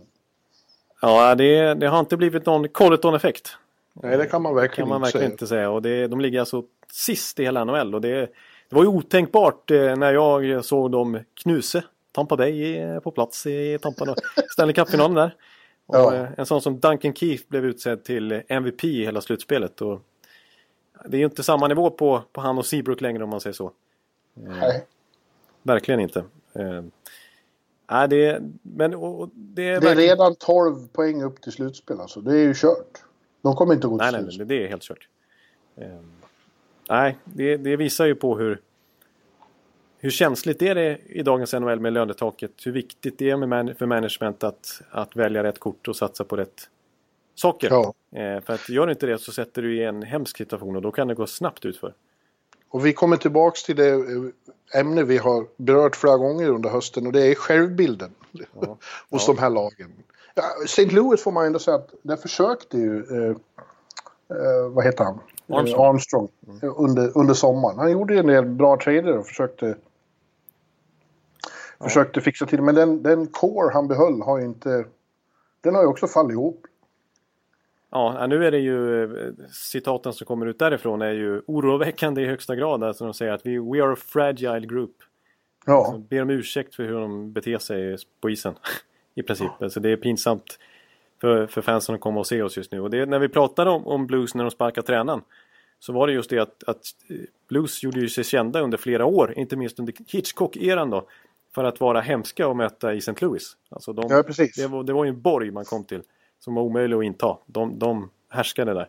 Men nu är de ju eh, direkt usla på hemmaplan. 1-6 mot Vancouver. Elias Pettersson är all ära, men det är ju oacceptabelt för, ett, för deras, med deras självbild som de ändå har kvar också. Ja. Men eh, Los Angeles och Chicago ska ju bli ännu värre. Det känns som general manager står med händerna i sidorna och säger Hur kan det här hända? Vi som har så bra lag. Vi ska ju vinna Stanley Cup. Eh, Så de ser inte det som resten av världen ser på något vis. Nej, precis. Så, när de, på, till viss del börjar de väl inse det på varsitt håll, men de liksom gör alldeles för lite åt det och de gör ofta fel moves. Ja. Alltså i Chicago nu så såg jag en, en eh, våran lille, ja vi gillar ju honom, Mark Lazarus. Han hade gått igenom alla trader. Såg du Ja, det? ja jag såg, det var precis Ja. det jag såg. Och visst, han var ju tydlig med att och poängtera då att det är lätt för han att sitta i Mm. efterhand med facit i hand och sådär. Och, och, och alla trader fanns det ju liksom, det var ju lite lönetaksproblematik och sånt att förhålla sig till. Men det, det, är, det är väldigt många dåliga trader och vilket fint lag Chicago fortfarande skulle kunna ta med en eh, riktigt bra eh, med riktigt bra general manager-beslut. Ja. De hade ju fortfarande och han, han lyckades få in dem under lönetaket också, Lazarus där med Teravainen, Panarin, eh, Kempny, ja, Hjalmarsson. Filip Danault, Hjalmarsson, eh, Mm. Schmaltz fortfarande. alltså, så här, det såg ju... Ja, det såg, Ja, de har, de har ju bäddat sin egen säng tycker jag. exakt. Och då har, har de ändå inte riktigt gått in i någon rebuild utan det där är bara dåliga moves. Liksom. Eh, Det där är liksom, det, tanken har hela tiden varit att, att de ska behålla sig i toppen. Eh, Men de har gjort så mycket felprioriteringar så att det, det är... Ja, så att förtroendet för Boban är ju inte högt längre alltså. Det, Ja, nej. Ja. Men får, får jag säga det bara om Colleton då att eh, jag, måste, jag är, är ju lite överdriven stor försvarare av honom då. Men- Ja, du, vi hade diskussion om det igår på sms. Du tror att han har en sån här Bednar eh, situation. Alltså, problem, när han väl får jobba med det här laget nästa sommar så kommer det bli bra. ja, problemet är att han har inte alls samma liksom, förutsättningar som Bednar och, och eh, eh, eh, Housley i, i Buffalo. På det viset att de har ju ändå ett ungt spännande core att jobba med. Och liksom, Det var ju ändå, det är liksom Eichel och Dalin och, och så vidare och Mittelstadt och hela det här Ristolainen som, som Housley kan bygga upp. Men nu är det liksom Seabreak och Keith och Taves och Anisimov Ja. och så här som, som eh, Colleton ska få pli på. Och det känns inte... Men han kan få in Jack Hughes nästa år. Det kan han ju få. Det kan han ju få. Det är ju det Hawks-fansen helt plötsligt hoppas på nu. Fan, det, är, det är så jävla konstigt hur fort det går. Alltså. Som sagt, vi satt, det var 2015 de vann Stanley Cup. Ja, och de var... Vi pratar liksom om en verklig dynasti. Ja, Och nu är de sist i NHL. Och framtiden känns i det närmaste hopplös. Det är till och med så att från ganska seriöst håll så det spekuleras inte utan det är bara eh, folk bara testar tanken att eh, till exempel vad ska de kunna få för Patrick Kane? ja. Om de nu ska riva huset totalt. För jag menar trots att de har Patrick Kane som ju fortfarande är i sin prime och bra så ligger de sist i NHL. Är det inte lika bra att bara skita det här nu och eh, gå, Oj, vidare oj, med, oj. gå vidare med en ny, Ja. ny, eh, ny börja om helt enkelt. Jag tror inte det kommer hända, men, men, men för andra lag så är ju det värt att spränga banken för. Ja. Om, man, om man har en run för Stanley Cup. Ja. Tänk Patrick Kane i Tampa. Du. Ja, jag- The Hockey News Podcast, de gjorde ett förslag där med eh, Patrick Kane till sin hemstad Buffalo. Ja, Eh, Buffalo sitter ju på en herrans massa första val. Eh, sen, sen deras rebuild-år. Eh, mycket draftval som de har råd att offra. De fick ju ett första val för Evander Kane så sent som slutet på förra säsongen till exempel. Eh, alltså de skulle ha råd att offra en Reinhardt, eh, kanske en, kanske en Mittelstadt. Eh, Lawrence Pilu. Han som Lawrence- har, ju- han, tagit, sig- han har tagit chansen nu när han har fått den. Han är etablerad där. Känns det som direkt. Ja, Hans visst. Precis, han är ju, han är ju bra. Han är jättebra. Mm. Han är, jag menar, förra säsongen, han, bästa back i hela SHL, får pris om det. Och han är alldeles för bra för AHL visar. Han gjorde ju en poäng per match som rookie-back i den ligan. Han, ska ju, han är ju en NHL back redan. Ja. Det är inget snack. Men det har han, jag tror inte han kommer att bli tillbaka skickad till något AHL. Nej, nej, nej. Han, han ska spela NHL. Han är för bra. Ja. Eh, Ja, det var ett Olofsson och alla de här Nylander och Alexander Nylander som är i AHL. De har ju mycket trade chips om de skulle vilja börja satsa nu på riktigt eh, i Buffalo. Ja, tänk Patrick Kane hemma i Buffalo. Jesus! Eichel, Skinner, Kane. Ja. Första serien. Oh. Dalin eh, på backen. ja. Med pilot. Med Pilut. Ja, visst. Bra, bra. Säger man pilut? Nej, jag, jag säger Pilut bara för att jag tycker det är kul. Pilutta dig. Pilutta dig, ja. Precis. Ja. Nej, det är väl Lawrence Pilot. Ja. Ett pilotfall för oss. Ja, pilotfall för oss. Och, och, ja, det är bra. Pilut. bra, bra. Pilotfall. Ja. Ja. Ja, ja men det, det, det, det, är lite tragiskt att se, tycker jag. Jag Jo. blir nästan provocerad av det. ja det här med precis. Chicago och, och LA. Framförallt eh, att, eh, att de inte kommer till insikt om vilka de är. Nej, precis. Nej, det, det håller jag helt med om. Det, det, det är onödigt, känns det som. Ja, Onödigt, eh, o, det gått onödigt långt för dem, respektive klubb, i fallet neråt. Det är klart det är svårt att hålla sig på toppen under löntagseran eh, med de komplikationer som följer med. Men eh, att det ska behöva gå så här dåligt självförvållat, det är onödigt. ja det var väl själva andemeningen i Lazarus text där. Att det, det här var oundvikligt men det hade inte behövt bli så här jävla dåligt. Nej, precis. Och, Nej.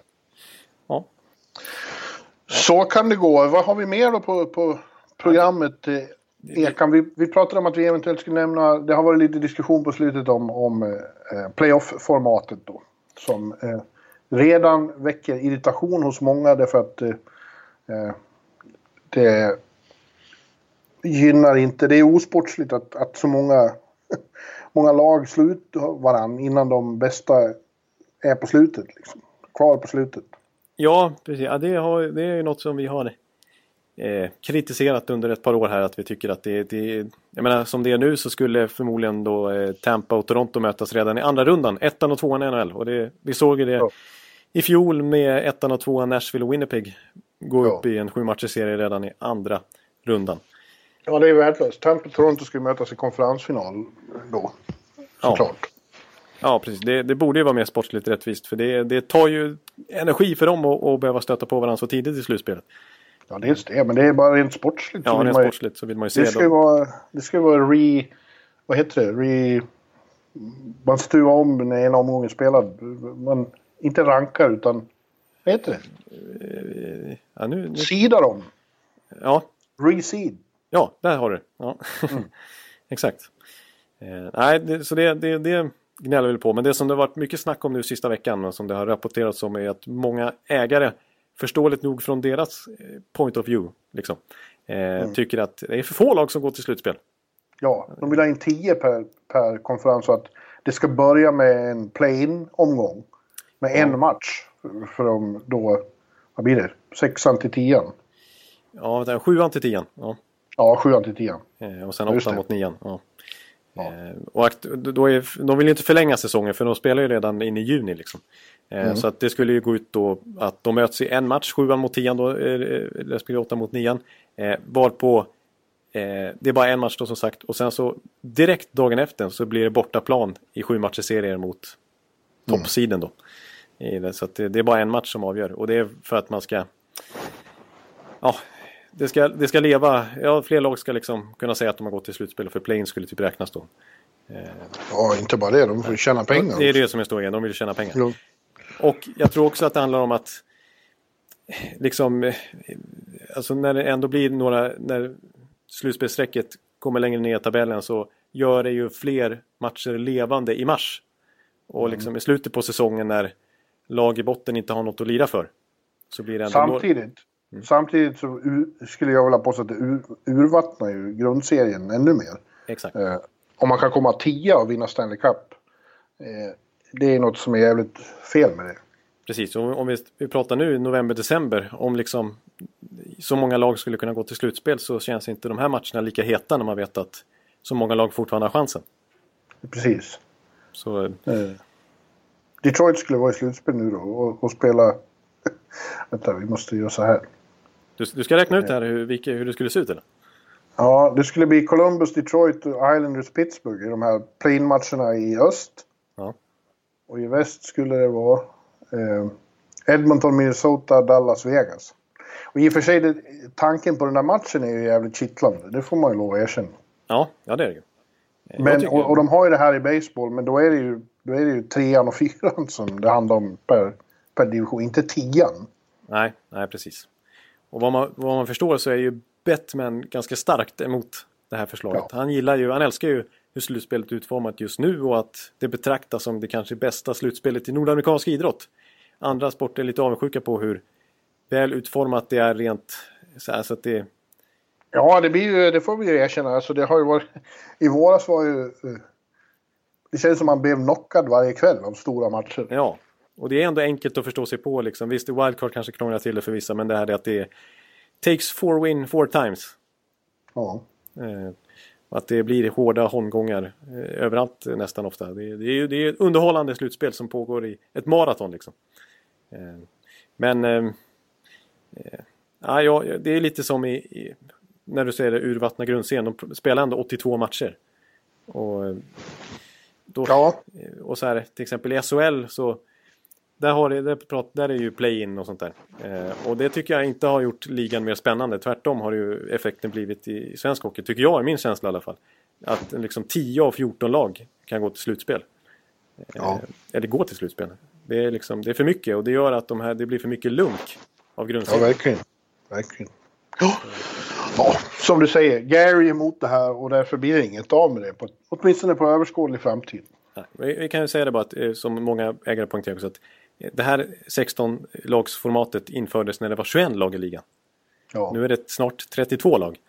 Eh, så det, är ju, det är ju lite det de är inne på också. Då.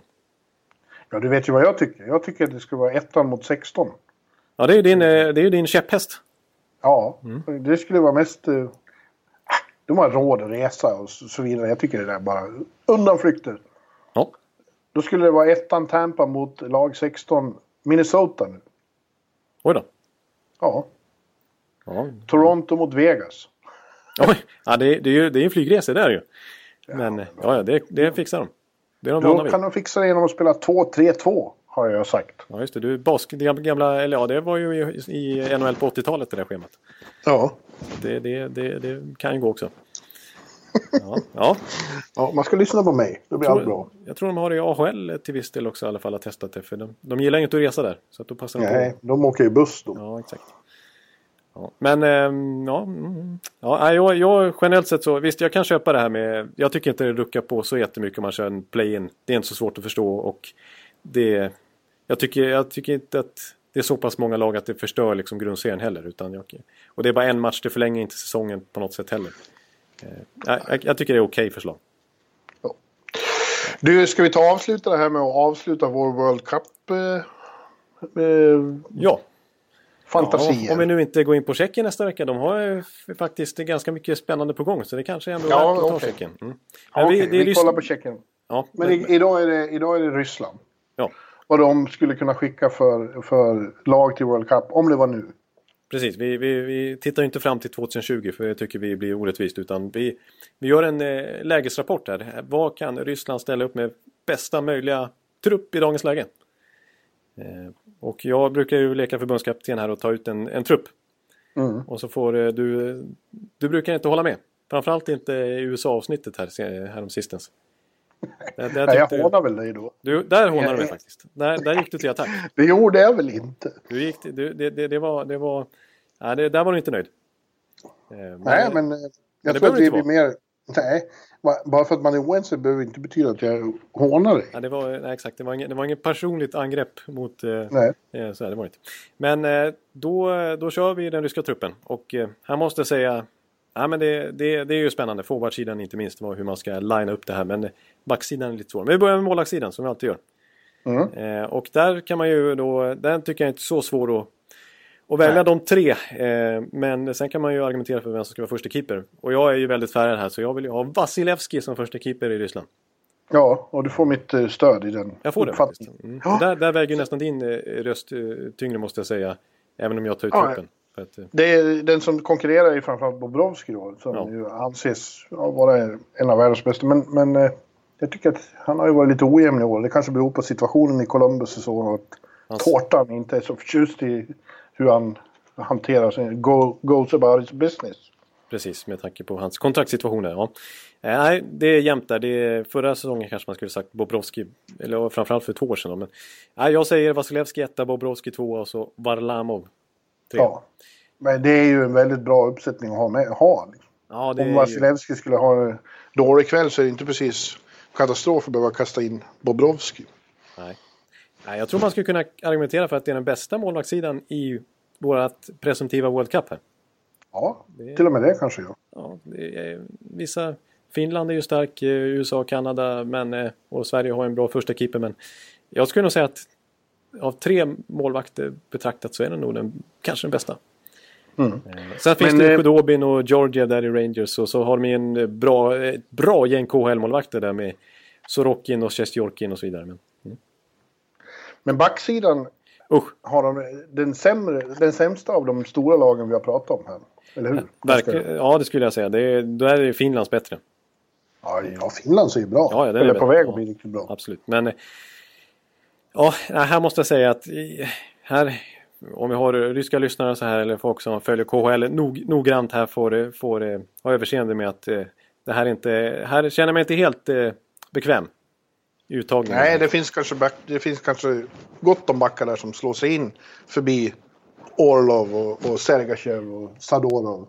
Ja, alltså Orlov tycker jag ändå eh, har jag en god uppfattning om och inte minst han och Niskanens slutspel ihop.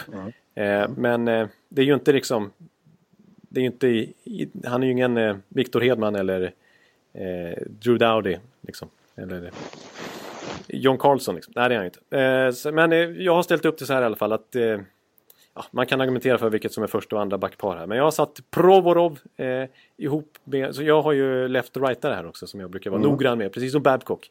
Eh, Provorov ihop med Bogdan Kiselevich från eh, Ja. Som inte ska höra hemma kanske i ett första backpar i, i, i en World Cup-trupp eh, i Nej, Ryssland. Men, nej, men jag måste ändå säga att Kiselevich har, imponerat på mig i, i Florida hittills sett i sin roll där och att han direkt kommer från KHL och många ryska backar har haft svårt att anpassa sig. Många har åkt tillbaka direkt till, till KHL istället för att jag tycker han, han blir nog en, en rätt vass NHL-spelare här och spelar många VM-turneringar för dem. Eh, sen i andra backpar så blir det Orlov och Zaitsev. Mm. Zaitsev från Toronto. Och eh, sen i fjärde backpar så har jag då Sadorov och Sergachev. Jag tog Orlov vägen. Ja, han var i Ja, andra. han var, han var med, med Zaitsev. Ja. Ja. Sen kan Och man får argumentera. Sergachev och Sadorov. Sadorov från Colorado. Ja, det är bra att du poängterar eh, klubbadressen här också. Så att, eh, Det, det, är- jag vet inte om det är så nödvändigt, men Ja, ja. Ja. Men sen har vi ju Oshiganov i Toronto. Vi har Jakovlev som har kommit upp här nu också i, i New Jersey. Och, och eh, Kulikov som är väldigt skadedrabbad i Winnipeg. Eh, och sen så har vi alla de här KHL-backarna. Gavrikov, Triamkin, Nesterov som ju var eh, i Tampa en gång i tiden men som jag inte är så imponerad av. Så har vi ju ja, Vojnov då som jag inte tar med av rent eh, eh, ska vi säga, etiska skäl. ja, just det. Nej, det gör du rätt i. Nej, han får inte vara med. Han får inte vara med.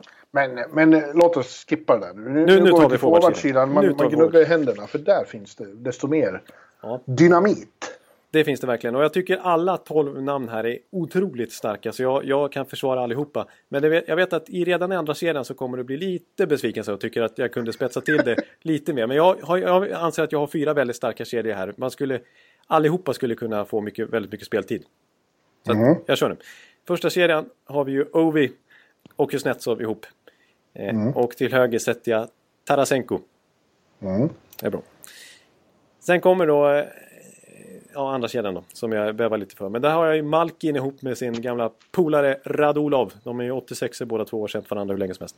De brukar ju hänga med varandra på somrarna och sådär. Så att jag sätter ihop dem. Och här kommer lilla knallen då. Från KHL. Kirill Kaprizov. Jaha. Ja, ja, jag vänder mig mot att du inte tänker... Det här är något för att bevisa din objektivitet. Att Kucherov inte är med i de två första kedjorna. Nej, precis. Eh, men den här tredje kedjan är inte... Det är ingen normal tredje kedja kan jag säga. Eh, det är Panarin, Datsjuk och Kucherov. Ja. ja. Eh, och Datsjuk, jag vet inte riktigt, han har ju fyllt 40 nu och, men han håller ju fortfarande igång i Sankt Petersburg och öser in poäng där. Och spelade både VM och OAR, laget här i, i OS. Eh, så att jag tror, jag menar, eh, han är ju så pass bra fortfarande så att, och jag menar Ryssland, eh, spelar man för Ryssland då, då, kräver ju Putin i princip att man ställer upp. Så att ja. även om Datsjuk är 40 bast så, så, så, kommer han få vara med i ett sånt här lag i dagsläget. Så att eh, Panarin, Datsjuk, Kutjerov och eh, Kutjerov Panarin är dessutom riktigt bra polare. De har, de har också känt varandra så länge och, och Panarin var ju och hälsade på Kutjerov i Tampa i vintras. Eller i somras. Ja. ja. Eh, bara en sån sak. Sen kommer då eh, en ren, eh, ja inte en ren KHL-kedja men eh, en klassisk eh, Sankt Petersburg-kedja. Även om ing, ja, en av dem bara är kvar där nu faktiskt. Det är Nikita Gusev, Vadim Shipashov och Yevgeni Dadonov. Ja. Eh, Shipashov har ju faktiskt gått i Moskva tror jag nu. Och eh, Dadonov är ju i Florida naturligtvis. Men de här var ju, har ju dominerat i, i VM-turneringar genom åren. Så att, eh, Kowalczyk ställer vi utanför. Ja, Kowalczyk tycker jag nog ändå är för... Alltså, nej, man skulle kunna argumentera för han istället för Kaprizov så kan man ha de gamla polarna Kowalczyk, Malkin och Radulov i en kedja. Men nej, det har ju inte funkat i nej. tidigare OS-turneringar. Så att, och jag tycker Kowalczyk är för gammal nu och, och för trög och fortfarande duktig men nej, jag vill inte ha med en. Eh, och, eh, bara för att... Ja, jag kan slänga in några menan som hade varit, kunnat varit aktuella. Om vi pratar 2020 så kommer Svesjnikov vara högaktuell. Eh, Carolinas. Men nu gör vi inte det. Nej, nej, precis. Vi har ju Goldobin som också är polare med Elias Pettersson. Eh, eh ja. i Vancouver. Vi har Namestnikov. Vi har Butjnevich. Ja, det är ju alltså som vi sa, dynamit här. Men eh, problemet är ju bara att det, det är många gånger när all den här dynamiten har samlats på samma håll. Att det har blivit för många kockar. De har inte fått ihop det som lag. Så har nej. det ju faktiskt bara varit.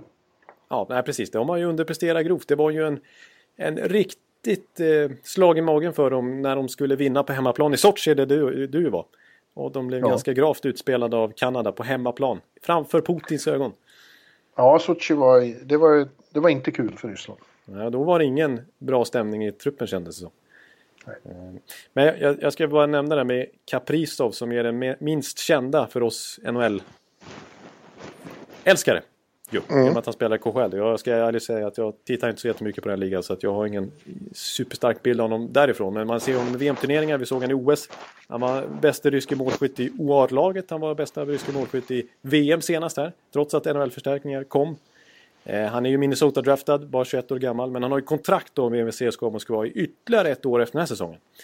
Men, eh, och det kan han inte bryta hur som helst. Utan han är lite KL, det är lite prestigefråga där att de vill behålla några av sina stora stjärnor. Gusev också ju. Eh, Just det. Men eh, Kaprizov, Paul Fenton, nya general managern i Minnesota, åkte faktiskt till Moskva här i november. För att lära känna Kaprizov och snacka lite med honom att du får väldigt gärna komma till oss när kontraktet väl går ut sommaren 2020. Och du kommer få pengar av oss. Så det behöver du inte oroa dig för. Eh, så att på sikt här eh, så kommer Caprizo med stor sannolikhet att bli en NHL-stjärna. Eh, från och med hösten 2020 skulle jag faktiskt säga. Paul Fenton lät väldigt optimistisk efter det mötet. Så det, jag menar, det är en riktigt skicklig spelare. Bästa ryska målskytt just nu i KHL dessutom. Så att det, det, är en, det är lite en Panarin light som, är, som, som åker runt där borta. Oh. Ja. Det om det. Ja. Då och, eh, blev ett långt avsnitt. Eh, ja, men trevligt. Ja, visst. Underbart. Jag har inte hånat en enda gång vad jag kan minnas. Nej, jag, jag, jag, jag sitter inte här alldeles förskräckt. Utan jag är, jag, du, jag, jag, är harmonisk. Jag är som Bäckström. Du är en, du är en ulv i fårakläder. Ja. Ska alla veta dessutom. Han, ja. han låter så försynt och försiktig. Men eh, när det kommer till kritan så har smeknamnet Ondskan en förklaring. ja, det måste ju vara det. Ni, ni, skulle till exempel försöka spela mot honom i fantasy. Ja, Där är han helt obönhörligt iskall. Ja. Du hör, ni hör. Ja.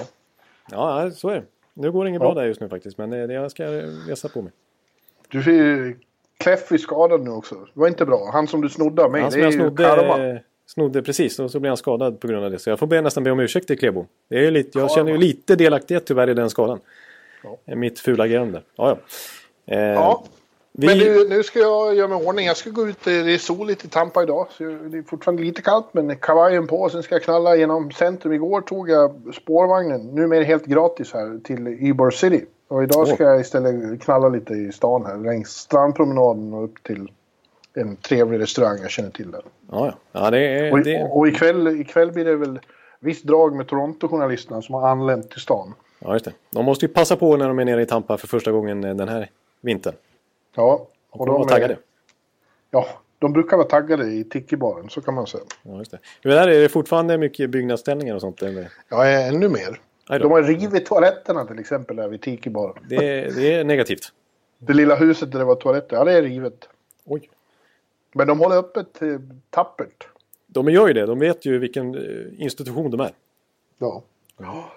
Ja, men så jag ska knalla i det du kallar för heliga staden. Det sa norrmännen också faktiskt här på frukosten. Den heliga staden. Den ju helige, ek- det är ju en helig stad. Det är ju sån Du säger ekeliv, säger de.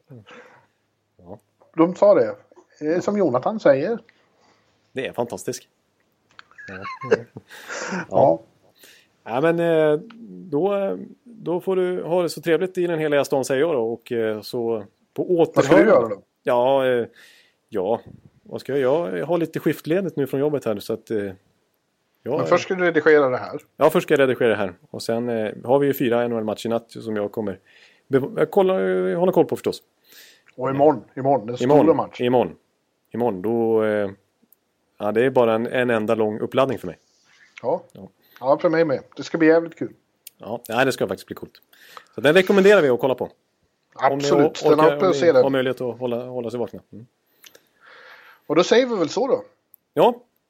Och eh, så hörs vi med ett nytt avsnitt eh, nästa vecka helt enkelt. Ja, och det börjar väl snart bli dags för våra julrim, tror jag. Oj, ja, då måste man börja ladda. Det gäller Ja. att eh, förbereda sig. Jag tror faktiskt det är nästa vecka. Det är dags för julrim. Det är Tycker sista innan Ja, jul. det kanske är faktiskt. Ja, det, det kanske är. Ja, då får vi Ja, för sen oss- är det julafton på måndag och juldag på tisdag. Då kan vi inte hålla på och Nej, det spela går in inte. podd. Det går inte. Ja, då måste vi köra nu. Ja. Eh, Jag vill bara poängtera då, det kanske ska göra nästa vecka egentligen, men eh, jag vill poängtera redan nu att eh, förra året i julrimmet så rimmade jag att jag hoppades att Buffalo skulle få en... eh, Jag gav dem Rasmus Dahlin i julklapp i, min, i mitt rim. Ja, så det satt ju. Och året innan, eller om det var två år innan, två år innan måste det varit, då, då rimmade jag ju på Seth Jones mot Ryan Johansson och så slog den igenom tre veckor senare. Ja, Så hitta nu, på någon bra. Nu måste jag tänka till här för att om jag ska hålla liv i den sviten. Coolt. Ja, Ja, nej, men eh, tack, tack för den här veckan och så hörs vi helt enkelt. det gör vi. Hej, hej! Hej! Hej!